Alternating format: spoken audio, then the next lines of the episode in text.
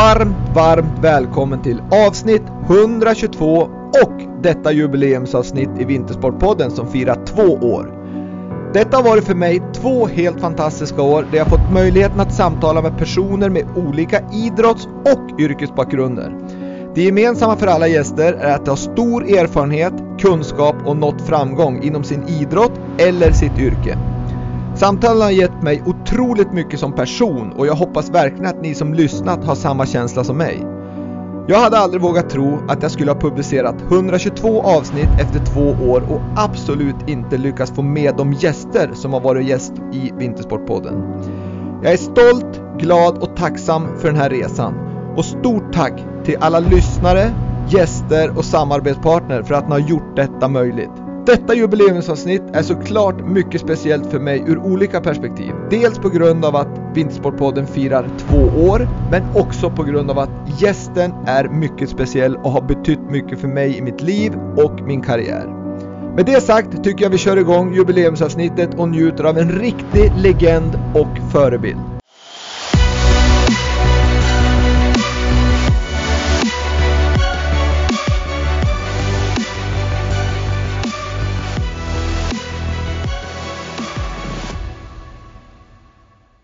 Dagens gäst i Vintersportpodden, mannen som fick hela Sverige att stanna upp. Jag är stolt och glad att säga varmt välkommen till Ingmar Stenmark.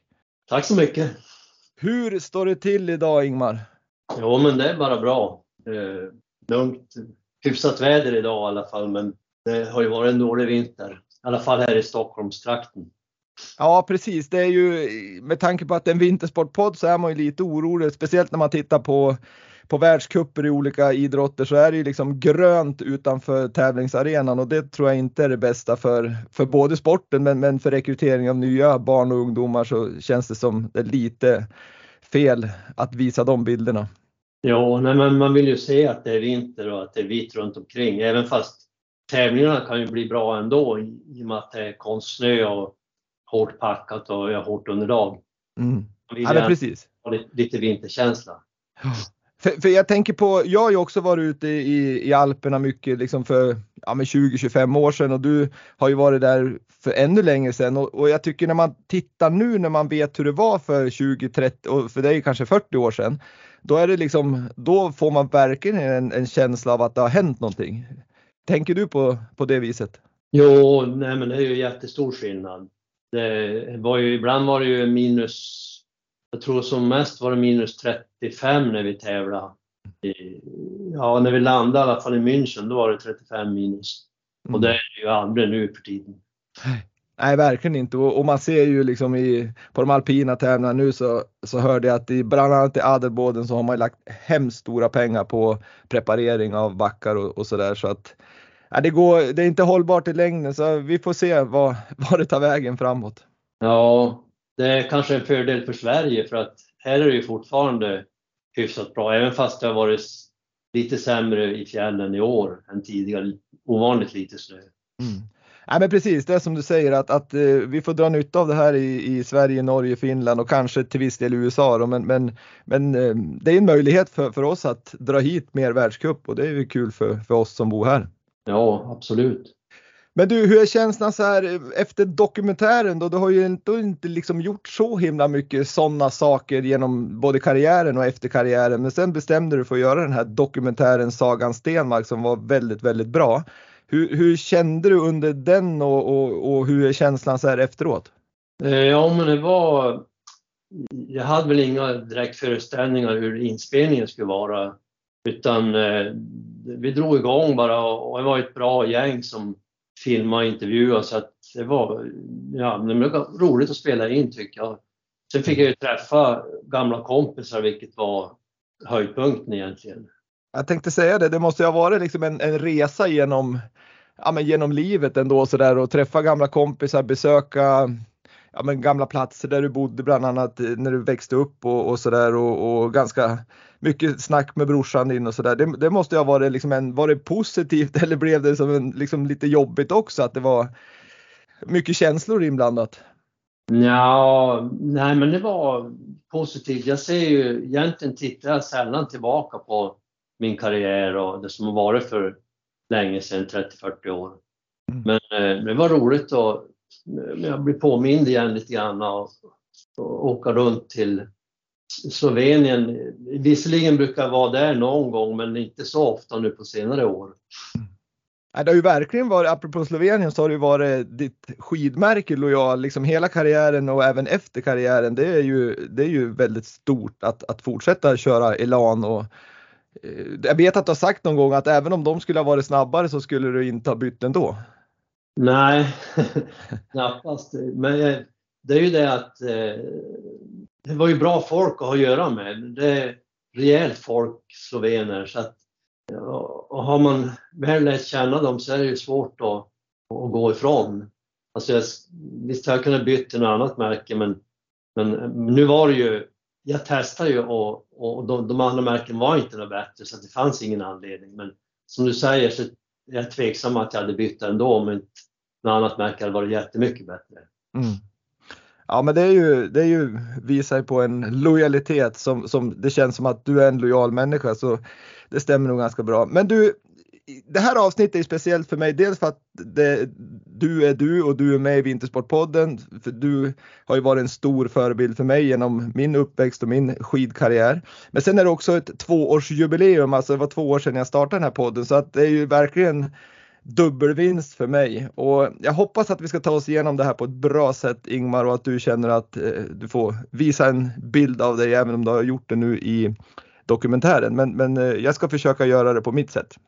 Ja, nej men det låter bra. Kanon. Om vi börjar i Joesjö när du föddes och växte upp dina första fem år. Hur, liksom, hur har de åren präglat dig? För du bodde ju ändå, ni bodde ju många personer under samma tak. Det var ju både mormor och mormors mormor och eh, föräldrar och morbröder och så vidare. Hur, hur har det liksom präglat dig och ditt liv? Ja, nej men det var en bra uppväxt. Eh, jag vet ju inget annat så att det är svårt att, att veta men jag, jag, tycker att det var en bra uppväxt. Jag hade inte något jämnåriga kompisar första fem åren egentligen. Men eh, nej, ingenting som jag saknade. Sen träffade jag ju Stig när jag blev granne med han när vi flyttade till Tärna. Mm. Men jag tänker på, du, du känns som att du är en väldigt trygg person och uppväxten som både visas i dokumentären men som, som att bo så där många brukar ju barn gilla. Är det liksom att du har blivit en trygg person kanske kommer från just den där uppväxten? Ja, det, på, nej jag vet inte. Det är svårt att säga. Mm. Jag förstår. Om jag är trygg eller inte, jag vet inte om jag är något tryggare än någon annan men i alla fall, jag tycker att det var en bra uppväxt. Mm. Alltså, Men när du var... Eh, mormor var ju bönder så att det var ju djur runt omkring hela tiden. Både kor och getter och, och hund och ja, allt möjligt. Mm. Och, och, det brukar ju vara, man säger att djur är bra för barn så att det, det, du hade väl dina liksom kompisar på ett annat sätt än, än människokompisar så att säga? Ja, exakt. Precis Men, så. Men när du var fem år så flyttade du som sagt var till Tärnaby och, och blev granne med Stig. Vad, vad, har Stig, eh, alltså då pratar vi Stig Strand som är en annan stor skidåkare, men vad har han spelat för roll i ditt liv? Ja men han, eh, han har ju varit, alltså inom skidåkningen har ju han varit sparringpartner. Han var ju lika bra eller kanske, han var ju tekniskt bättre än vad jag var i början. Mm. Eh, så att det betyder mycket för min utveckling som skidåkare. Men ändå mera som kompis. Vi, hade, vi lekte ju, det var inte bara skidåkning utan det var andra sporter och ja, vi badade, fiskade och gjorde allt möjligt. Så han har betytt väldigt mycket. Sen var, hade vi också en, äh, vi bodde tre grannar, tre hus intill varann. Och i, i det tredje huset bodde Dan Enoksson, han var ju också skidåkare. Mm. Så att äh, vi var ju ett gäng och sen var det ändå flera från byn. Det var, det var populärt under de åren när jag växte upp. Och, och, och just där ni bodde också blev ju så det måste ju ha varit väldigt strategiskt bra att bo där om man gillar skidåkning för det var ju nära upp till, till backen som numera heter Ingmarbacken. Eh, men, men jag tänker liksom, du säger att ni lekte liksom som, jag tänkte säga som vanliga barn, men det var inte bara skidåkning som, som ni hade en relation utan det var ju hela livet. Men, men när, ni, när du säger att ni gjorde andra sporter, var det sporter liksom i organiserad form eller var det stavhopp och landhockey mer liksom i vad ska jag säga, spontanidrott än organiserat?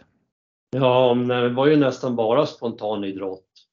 Mm. Det enda som var li... Eller ja, jo men fotboll, där spelade vi ju några matcher så att det var lite mer organiserat. Men all annan idrott var spontanidrott. Mm. Ishockey var i och för sig i skolan en del men på kvällarna var det ju bara spontan grejs.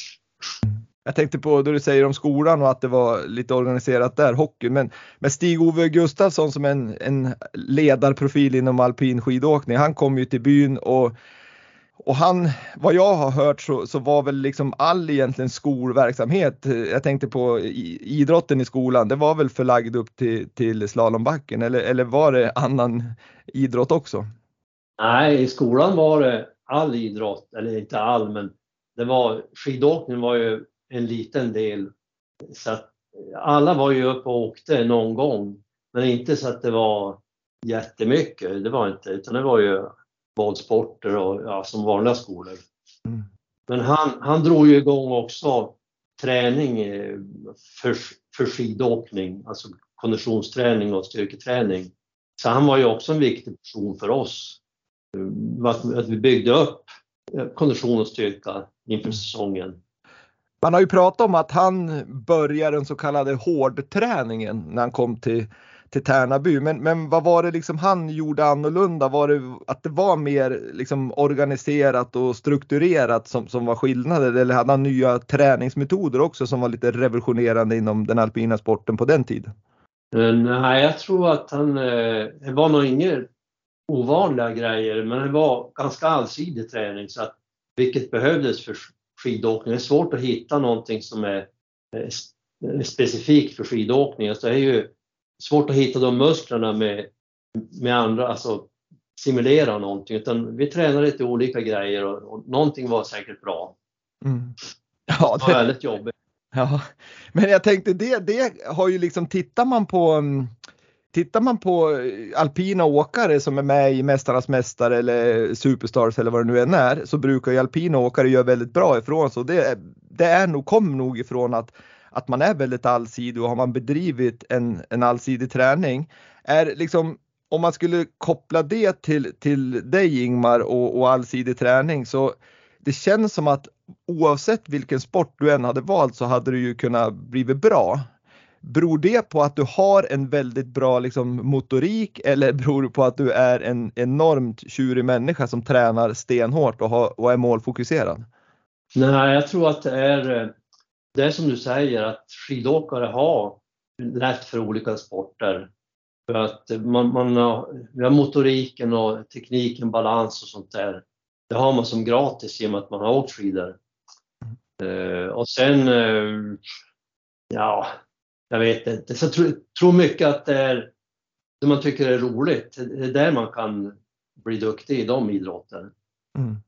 Ja precis, det ligger ju som en, det är ju en förutsättning det för att liksom kunna ägna all den här tiden som man måste göra för att bli duktig, det är ju liksom grund och botten att det är roligt såklart. Ja, och sen är ju åkning är ju lätt att ha roligt i, om man jämför med kanske löpning eller simning. Det är ju inte lika roligt om man säger så. Mm. Nej, det blir ju... Det är roligt. ja, det är ju faktiskt en, jag brukar tänka simmare som ligger längd efter längd och tittar ner i en kakelbotten. Det måste ju, då måste man ju ha ett riktigt pannben. Men, men, men jag tänker på, var, liksom, var alpint en självklarhet för er att det skulle liksom bli en satsning på alpint eller var det bara så att det fanns en backe och det fanns möjligheter att träna alpint? Hur, hur, hur, var? Jag förstår att man som femåring inte tänker så, men om du tänker tillbaks nu, var det bara det spåret som gällde eller? Jo, det var bara det för att det var den enda sporten som bedrevs på alltså organiserat. Mm. Och sen var det ju i och med att vi hade lång vinter och nära till backen så var, blev det ju naturligt. Och min pappa han hade tävlat innan och um, ja, andras föräldrar hade också hållit på med skidåkning.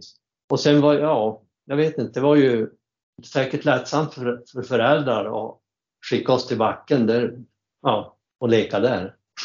Jag förstår det, men var det liksom att, att föräldrar skickade er till backen och ni tog hand om er ganska mycket själv eller jag tittar man nu på idrott så är det ju mer föräldrar i backen än ungar i princip och, och det är väldigt styrt och föräldrarna liksom nästan åker bredvid banan och skriker vad de ska göra med armar och ben.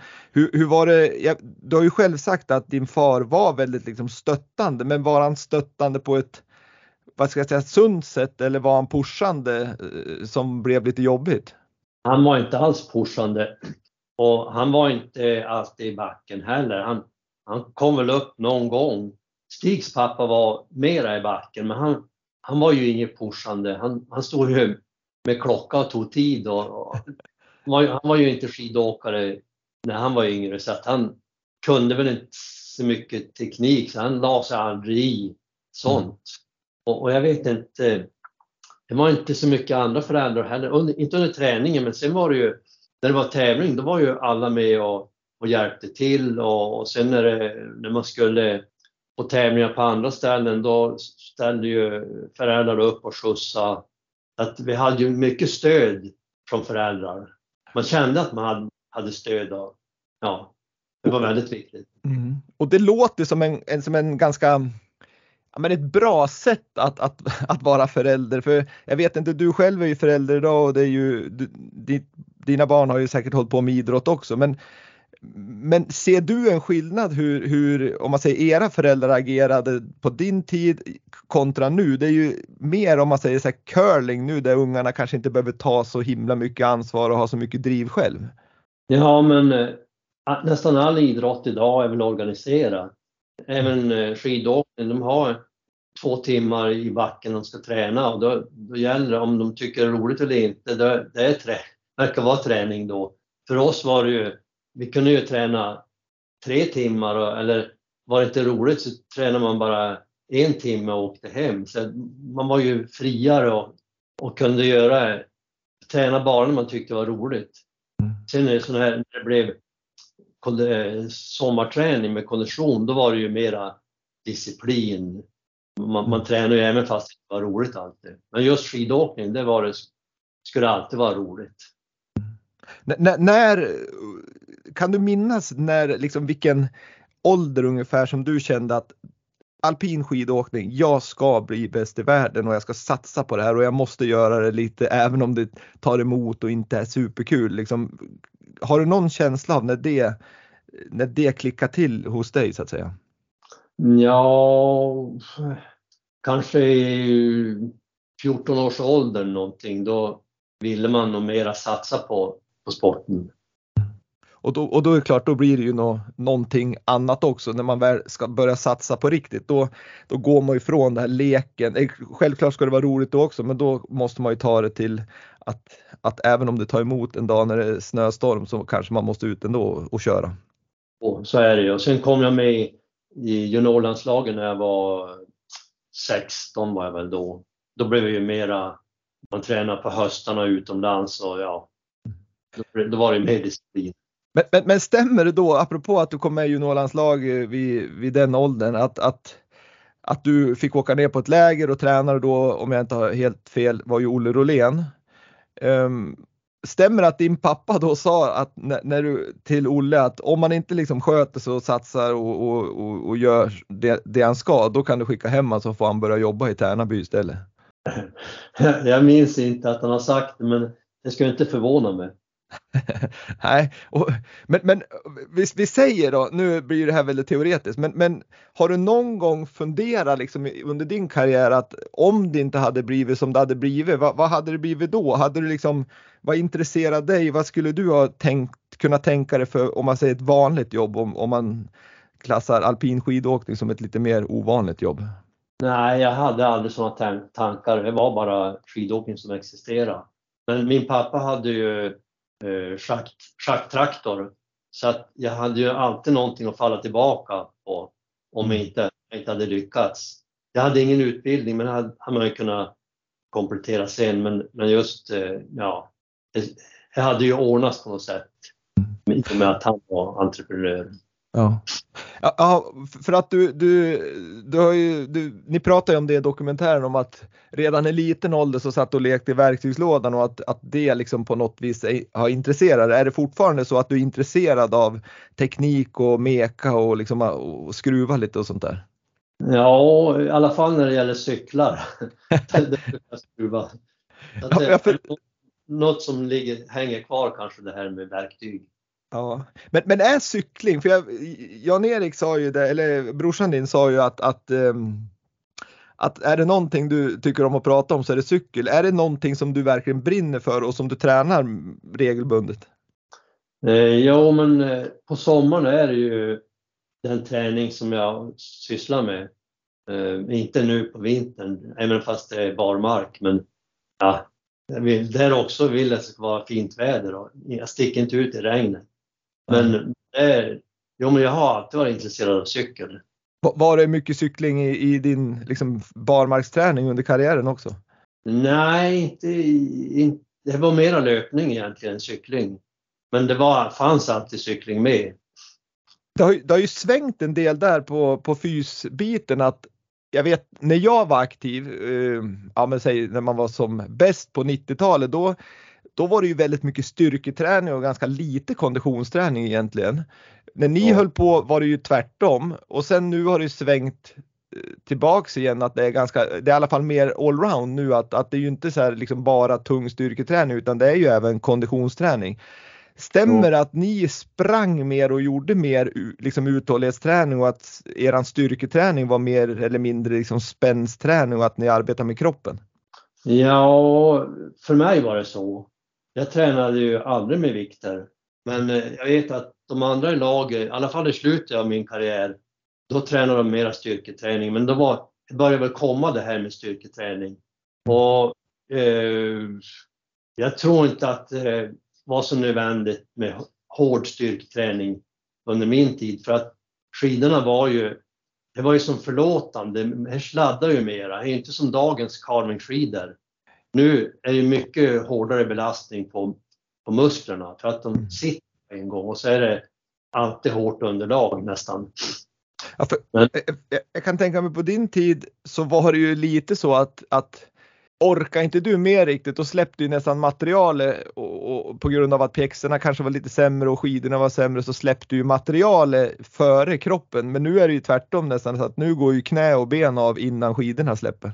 Jo, jo men så är det väl. Och, och det där, jag tror också, det blev ju extrem styrketräning ett tag. Och jag tror att det var för att någon började träna styrketräning och så blev de bättre. Men jag är inte så säker på att, att det var styrket, styrkan som gjorde att de blev bättre. Inte bara det, utan det var att de la på sig vikt.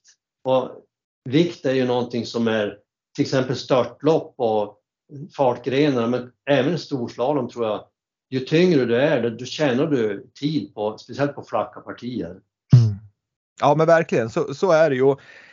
Och, och, det är precis som du säger, det går ju trender i det här. Sen har det blivit mer och mer vetenskapligt allting, att man, att man mäter eh, ja, men laktat och styrka i backen och hur, hur krafter påverkar det ena och det andra.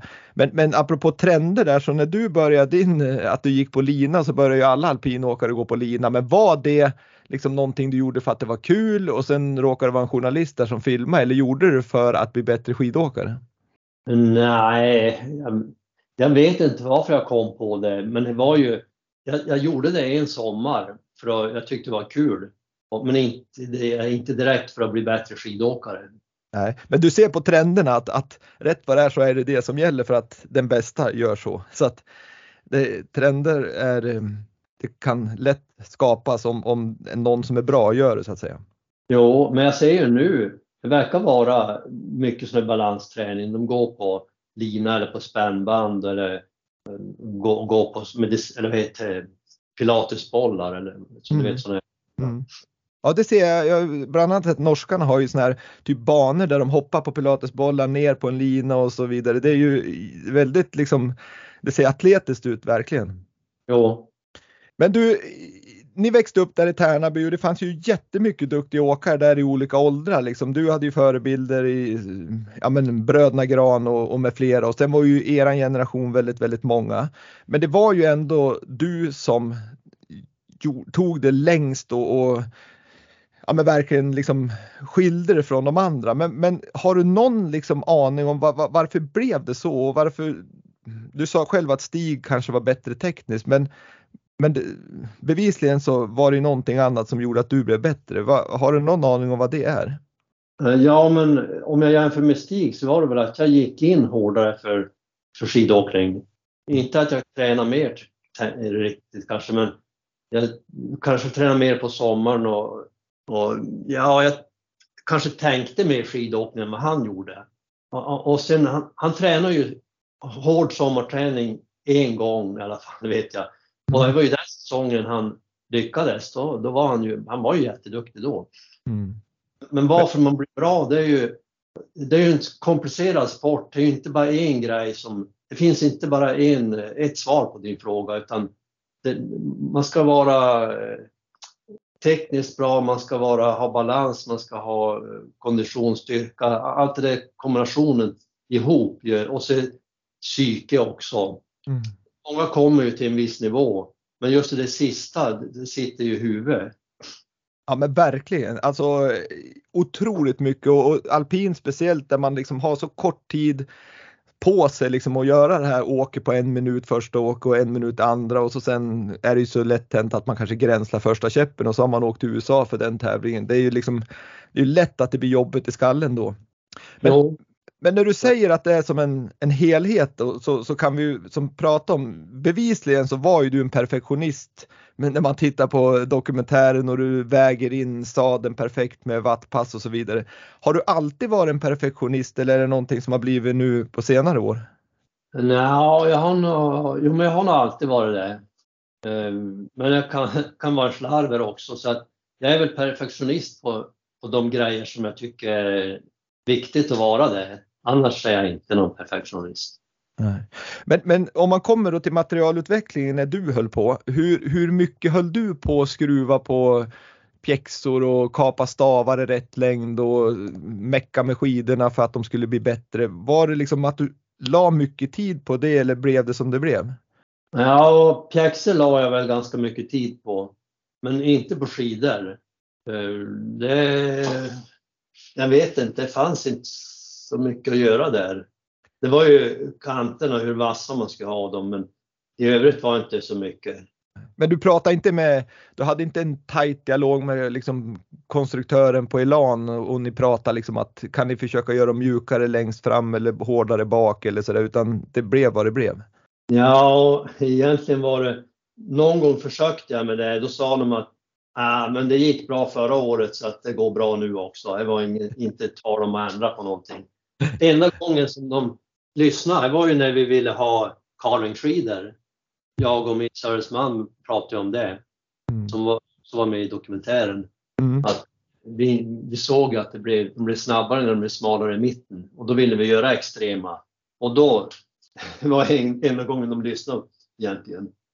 Ja, för, för det är ju liksom intressant. Jag, jag förstår ju problematiken som du beskriver i dokumentären att, att ni gjorde ju en carvingskiva men, skida, men den var för lång eh, och då blev den inte vridstyr vilket gör då att, att den inte liksom greppar så bra på, på hårt underlag. Men men jag tänker liksom, om jag tänker tillbaks till när det skedde det här skiftet i slutet av 90-talet, början av 2000 så vet jag att det var SM i Boden i slalom och då var det ju några i startfältet som hade såna här carvenskidor och några hade inte och det var ju liksom en jättestor skillnad verkligen. Det var ju som två klasser. Och jo. då vet jag att de skidorna var ju inte super, super bra. Det var ju någon som åkte på något så här, ja men absolut långt ifrån tävlingsskidor, men ändå så var de ju så långt före. Det var inte så att du, har du någon gång tänkt på att varför testar jag inte ett par sådana här carvingskidor i tävling? Det hade ju kunnat hänt att du hade vunnit med 10 sekunder. Jo, men jag åkte ju en tävling på dem, men eh, då var det, då, de gick ju jättebra i på flacken men inte i brant. Jag hade, det var jättesvårt att åka på dem där det var brant. Mm, mm. De här som du pratade om, de var ju redan kortare. Mm. Även fast det var vanliga turistskidor som de gick och köpte. Mm. Så var det rätt längd som dagens. Ja, det är sant. Det är sant. Det, det, är sant. För jag minns själv i slutet av 90, då fick jag, jag åkte också Elan då och då fick jag ett par Elan Carvin skidor som hette Parabolic. Och jag minns ju, det var ju som ett, ett alltså det var ju, man åkte bara och skrattade i backen när man åkte på de där för man hade gått då ifrån ganska långa liksom slalom och storslalomskidor. Så att, ja, det var en, en stor händelse för den alpina sporten och kanske en, en liten räddning också för, för sporten. För snowboarden var ju på väg att komma in där ganska hårt när, i slutet av de raka skidorna så att säga. Jo, just det. Men du, om man, om man pratar om den här helheten då så var du ju ändå, tog hand om material och sådär. Men hur var det med kostbiten då? Var du liksom, var du, stack du ut där eller åt du Nej. den mat som erbjöds? Jag åt precis, jag åt allt egentligen. Så, så det var inget så här extrem att du skulle ha med dig egen mat på VM, OS och sådär? Nej, nej inte alls. Jag har aldrig tänkt på maten. Inte nu heller, utan jag äter det jag tycker bra om.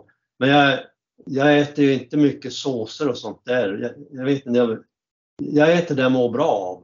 Mm. Och, och det är ganska nyttig mat. Ja, det mår man ju oftast bra av i längden, att äta nyttigt och få balans. Men du...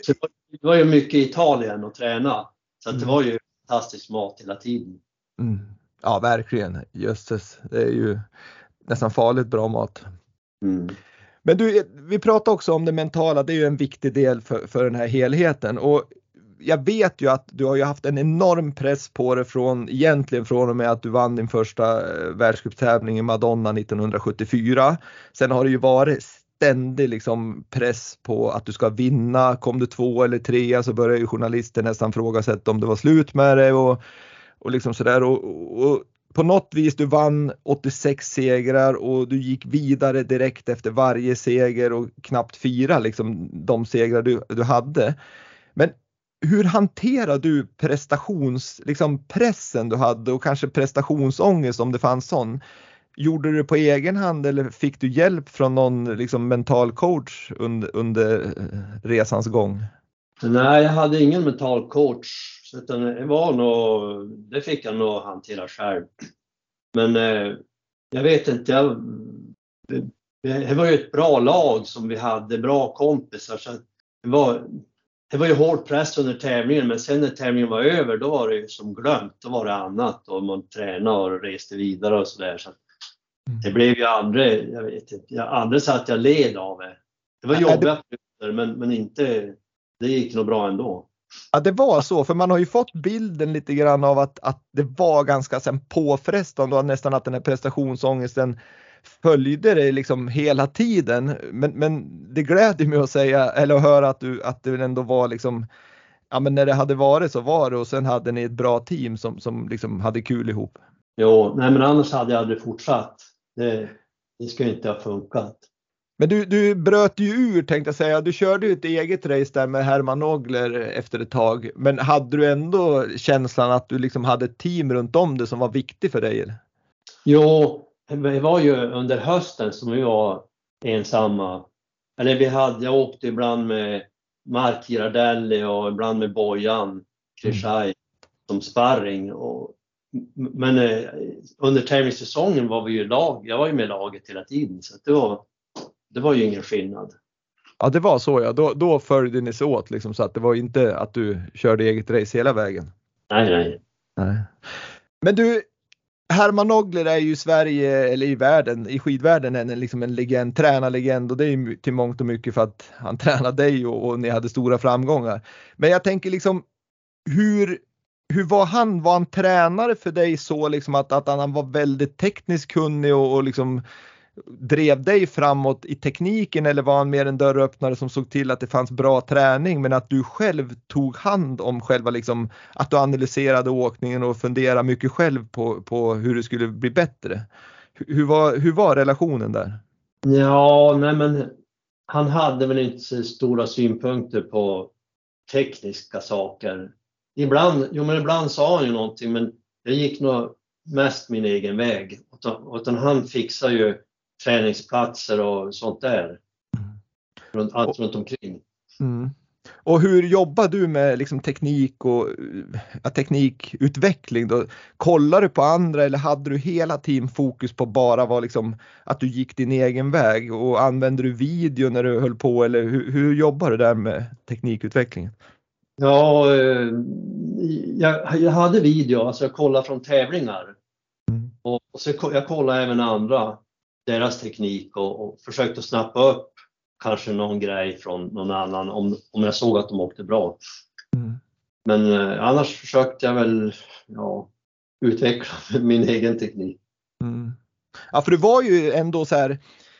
Ja, men du var ju ändå tänkte ju lite annorlunda där när du när du valde att åka på slalomskidor i storslalom och ni fila in. Du sa att skidorna var snabbare i slutet och ni, ni kom ju på att att ni hade kanske fila in dem så att de fick en vad ska jag säga mindre midja där så att det blev lite åt carvinghållet. Ehm, det där vet jag att Bodie Miller, en kille som åkte skidor för också ett tag sedan, men han i Korea i början av 2000-talet gjorde samma. Faktiskt då åkte han på carving, alltså slalomskidor när de hade kommit i storslalom och han höll på att slipa i mitten och så vidare. Så att det kanske är någon liksom, man kanske måste ha en, en sån här liksom nerv i sig att man gör lite tokiga saker för att liksom bli bättre än de andra. Jo, ja, jag vet Mark Girardelli, han höll ju också på med med skidorna. Han, eh, ja, men han, han filade nog in dem ganska extremt i mitten. Mm.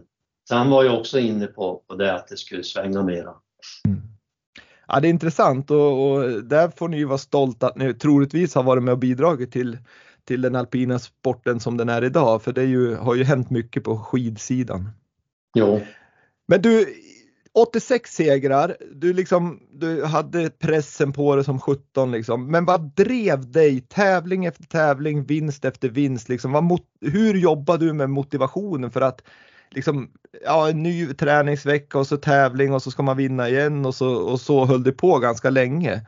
Va, vad var det som drev det? Var, sökte du någonting annat i den perfekta svängen eller vad var det som drev Ingmar Stenmark? Nej men fram till 1980 var det ju Alltså jag försökte hitta ju nya mål och vinna VM, vinna världscupen, vinna OS.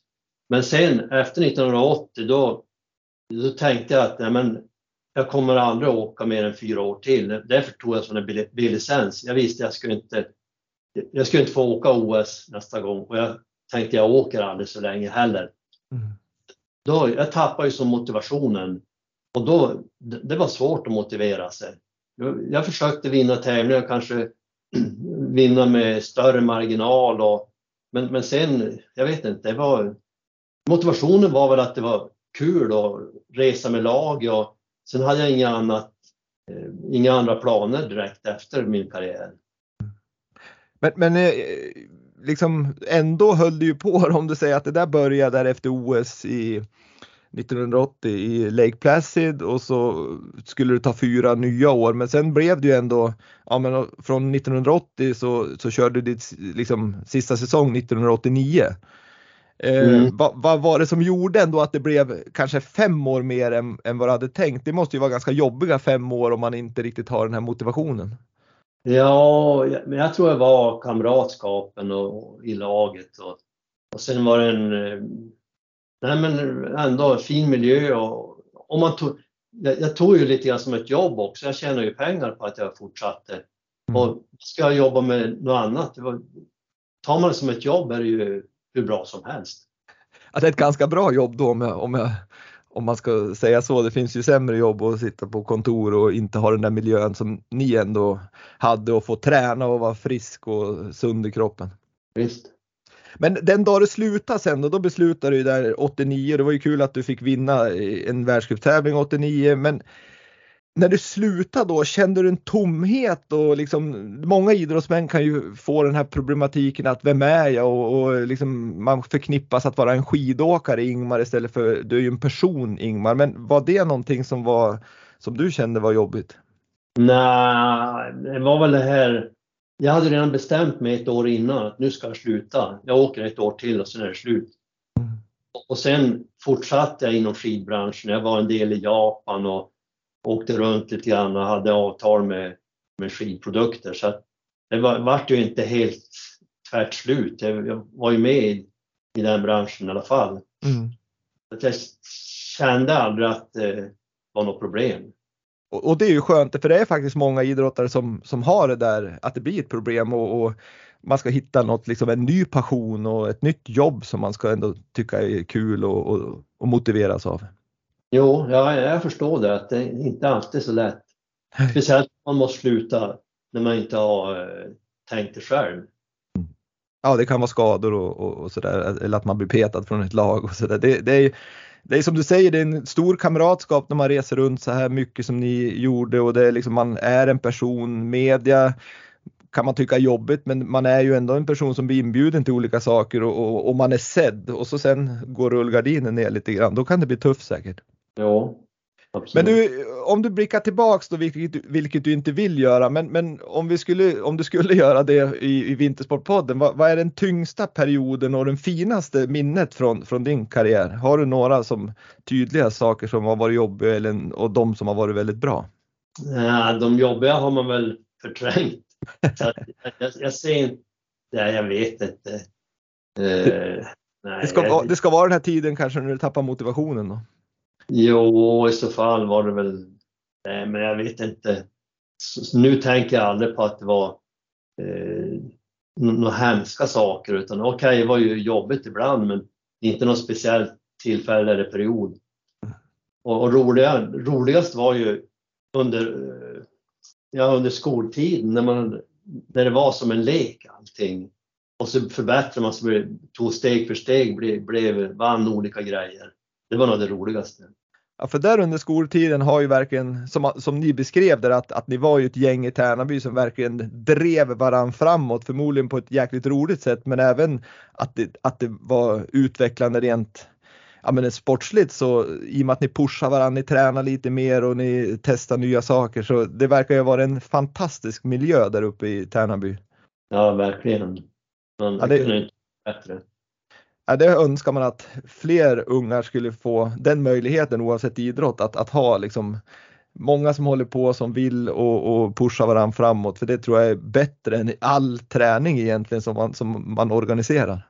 Jo, ja men jag håller med. Ja. Men vad, vad, är det liksom, om du skulle säga en annan sport förutom alpint, är det någonting du känner att fasiken det hade varit roligt att vara satsa, vara elitidrottare inom cykling eller in, nu sa du att löpning och, och, simning kanske inte var lika roligt men, men är det någon sport så där som du har känt att det skulle man ju vilja ha testat om man fick göra om det? Ja, jag brann ju för, för uh, friidrott eller speciellt stavhopp. Mm. Men, uh, det är ju det är nog ingen gren som, att, som jag hade kunnat bli riktigt bra i, men jag, tyckte att det var roligt. Mm. Ja, jag såg att ni, där höll ni på där på, på gräsmattan och ni hoppade med, med björk, björkar som stav, men sen köpte du en kolfiberstav som gick av där. Det var ju synd kanske, annars hade vi haft en, en stjärna där möjligen. Ja, det var en, eh, en bambustav faktiskt. Bambustav var det kanske? Ja. Det var inget, inget speciellt bra heller. Det var ju sämre än, än björkstavarna. Ja. Men, men, men friidrott i sig är ju väldigt bra om man tänker träning för alpin skidåkning. Den är ju allsidig och det är ju motorik och man måste ha koordination och så vidare. Så att det var ju egentligen helt rätt träning för skidåkningen också. Ja, ja men jag tror att det var bra. Men du, jag har frågat tidigare, jag har haft Anja, Stig och Jens Byggmark i, i Vintersportpodden och, och jag har liksom frågat lite grann kring Tärnaby och varför det blev så bra som det blev och, och, och sådär. Ha, har du någon liksom förklaring på, på varför Tärnaby blev som det blev? Alltså med framgångar tänker jag säga. Ja men det var ju träningsmö bra träningsmöjligheter. Vi hade nära till backen och eh, inga köer. Vi, ja, men det var hur bra träning som helst och lång säsong också. Mm. Och sen var det bra stöttning från familjer. Alla ställde upp, eller många i alla fall ställde upp. Vi hade ja, fantastiskt bra allting runt omkring. Och så hade ni ju olika åldrar som var bra. Jag tänker på Granbröderna och med flera så, så det fanns ju förebilder kanske också i, för, för alla, allihopa så att säga som, som kom upp. Jo, det var ju också viktigt. Man hade någon att se upp till. Mm. Ja.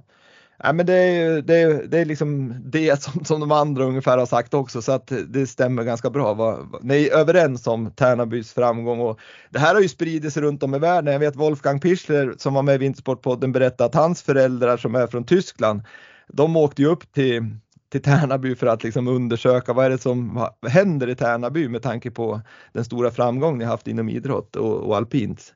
Så det var ju lite kul. Jo. Men du, om man tänker så här nu, nu, nu har vi, ska vi avsluta den här podden alldeles snart här, men, men jag måste ju ändå prata om att du har 86 segrar och det är ju en ofantligt bra procent, liksom, procent som, som du har vunnit av dina starter och att du har varit på pallen, det tror jag är typ 67-68 procent av, av dina världscupstarter har varit på pallen och jag tror du har vunnit typ 38 procent av dina starter, vilket är helt otroligt. Men men vi har pratat om dina segrar eh, och att liksom motiver och motivation och hur du såg på, på dem och så vidare. Men nu så är det ju väldigt, väldigt nära att en dam från USA som heter Mikaela Shiffrin är, är förbi de här 86 segrarna. Är det någonting du följer och, och hur ser du på, på just ditt rekord och att hon är och nosar och, och hackar i hälarna? Ja, det, det är bara kul om hon slår rekordet, det är hon verkligen värd. Hon är en fantastisk skidåkare mm. och eh, verkar vara sympatisk person också. Jag tror att hon, ja, hon kommer att slå det rekordet snart och sen tror jag att hon kommer snart att vara uppe i 100 segrar.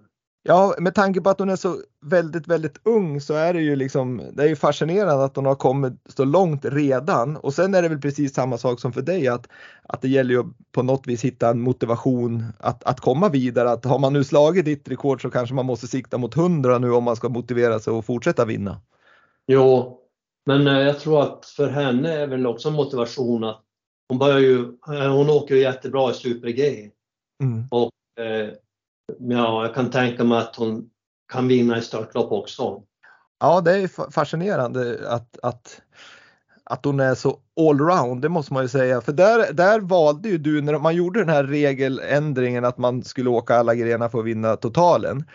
Då har jag funderat på att du var ju så grym i slalom och storslalom och du verkar ju ha förmågan att kunna anpassa dig och, och liksom lära dig nya saker. Jag tänker på du var inte världens bästa dansare när du gick in i Let's Dance heller, men du knep ju vinsten där och du utvecklas enormt. Var det aldrig så att du tänkte liksom, nej men jag får väl bara träna lite mer och lite hårdare så blir jag ju duktig i Super-G och, och störtlopp också? Ja, men vart ska man träna? Som, mm. som svensk? Okej, okay. eh, när, när, man hade varit, eller efter några år i världscupen, då kanske det fanns möjligheter. Men i början som ungdom, det fanns ju inget jag och Stig i och för sig, vi gick upp efter skolan och tränade störtlopp när vi var små. Men det blev bara ett åk eller två åk per dag. Så om man jämför det med slalom där du kan åka upp och ner, upp och ner. Jag tyckte störtlopp var, var som bortkastad tid och sen var det dåligt väder så blev det ingen träning. Alltså när, när det var tävling, då står de ofta bara och väntar på vädret. Mm. Det, det, det tyckte var, jag gillar ju störtlopp i och för sig, men just det här att det var inget effektivt och eh, ja, nej, jag vet inte. Nej, men jag håller med och det blir ju mycket väntan och som du säger det blåser för mycket och det snöar och det är dålig sikt och, och så krävs det ju ganska stor mycket tränare för att bedriva fartträning säkert. Och, och det hade ni ju inte heller kanske en drös av, i alla fall i början så var ni ju ganska få där som, så att det kanske finns förklaringar till att man inte bara börjar träna fart hur som helst. Ja, och så var ju skaderisken större också. Det var ju på den tiden när jag höll på, då var det ju inte så jättebra preparerat alltid. Så det var, ja, jag vet så, inte, det var bra att jag inte satsade på jag har sett något skyddsnät, det var en, hal, en höbal som låg där, liksom att det var det som fångade upp de som kraschade. Ja, ja, ja risken så att hade jag lagt ner mycket tid på störtlopp, ja men då har kanske som jag tänkte, då kanske jag blivit sämre i, i slalom eller storslalom. Mm. Ja precis, för då hade du fått mindre träningstid där och, och då hade det kanske gett att, att det inte hade blivit samma framgångar, absolut.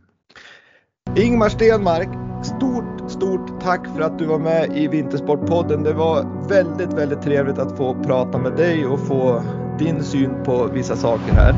Men innan vi avslutar avsnittet så ställer jag en fråga som jag ställer till alla som är gäster i Vintersportpodden och den är ganska enkel att besvara och den lyder så här. Kan du säga en framgångsfaktor för att lyckas med idrott? Och du säger att det är enkelt? ja, ett kort svar i alla fall. Ja, nej men ja, ja. nej, men jag tror för min del att man har kul med, med idrott. Det, det, det, är ju grunden. Det är liksom, utan att du har roligt så kommer du aldrig kunna träna den mängd som, som krävs och du orkar inte resa runt och, och allt vad det är. Så att det är det som är grunden och det tror jag många måste veta när man, när man påbörjar sin karriär att grund och botten så måste man ha roligt om du vill ta er någonstans. Jo, nej men så är det. Ingmar Stenmark, jag, Willy Berlin och Vintersportpodden tackar dig så jättemycket för att du var med i, i podden och att du gjorde mitt tvåårsjubileum till en väldigt, väldigt fint jubileum. Och jag önskar dig all lycka framåt med eh, vad du än tar du till om det så är nya program eller nya utmaningar inom träning och så vidare. Så att jag önskar dig all lycka och hoppas att du får ett fortsatt jättetrevligt liv. Tack så mycket. Ha, ha det bra. bra. Hej hej. Ja.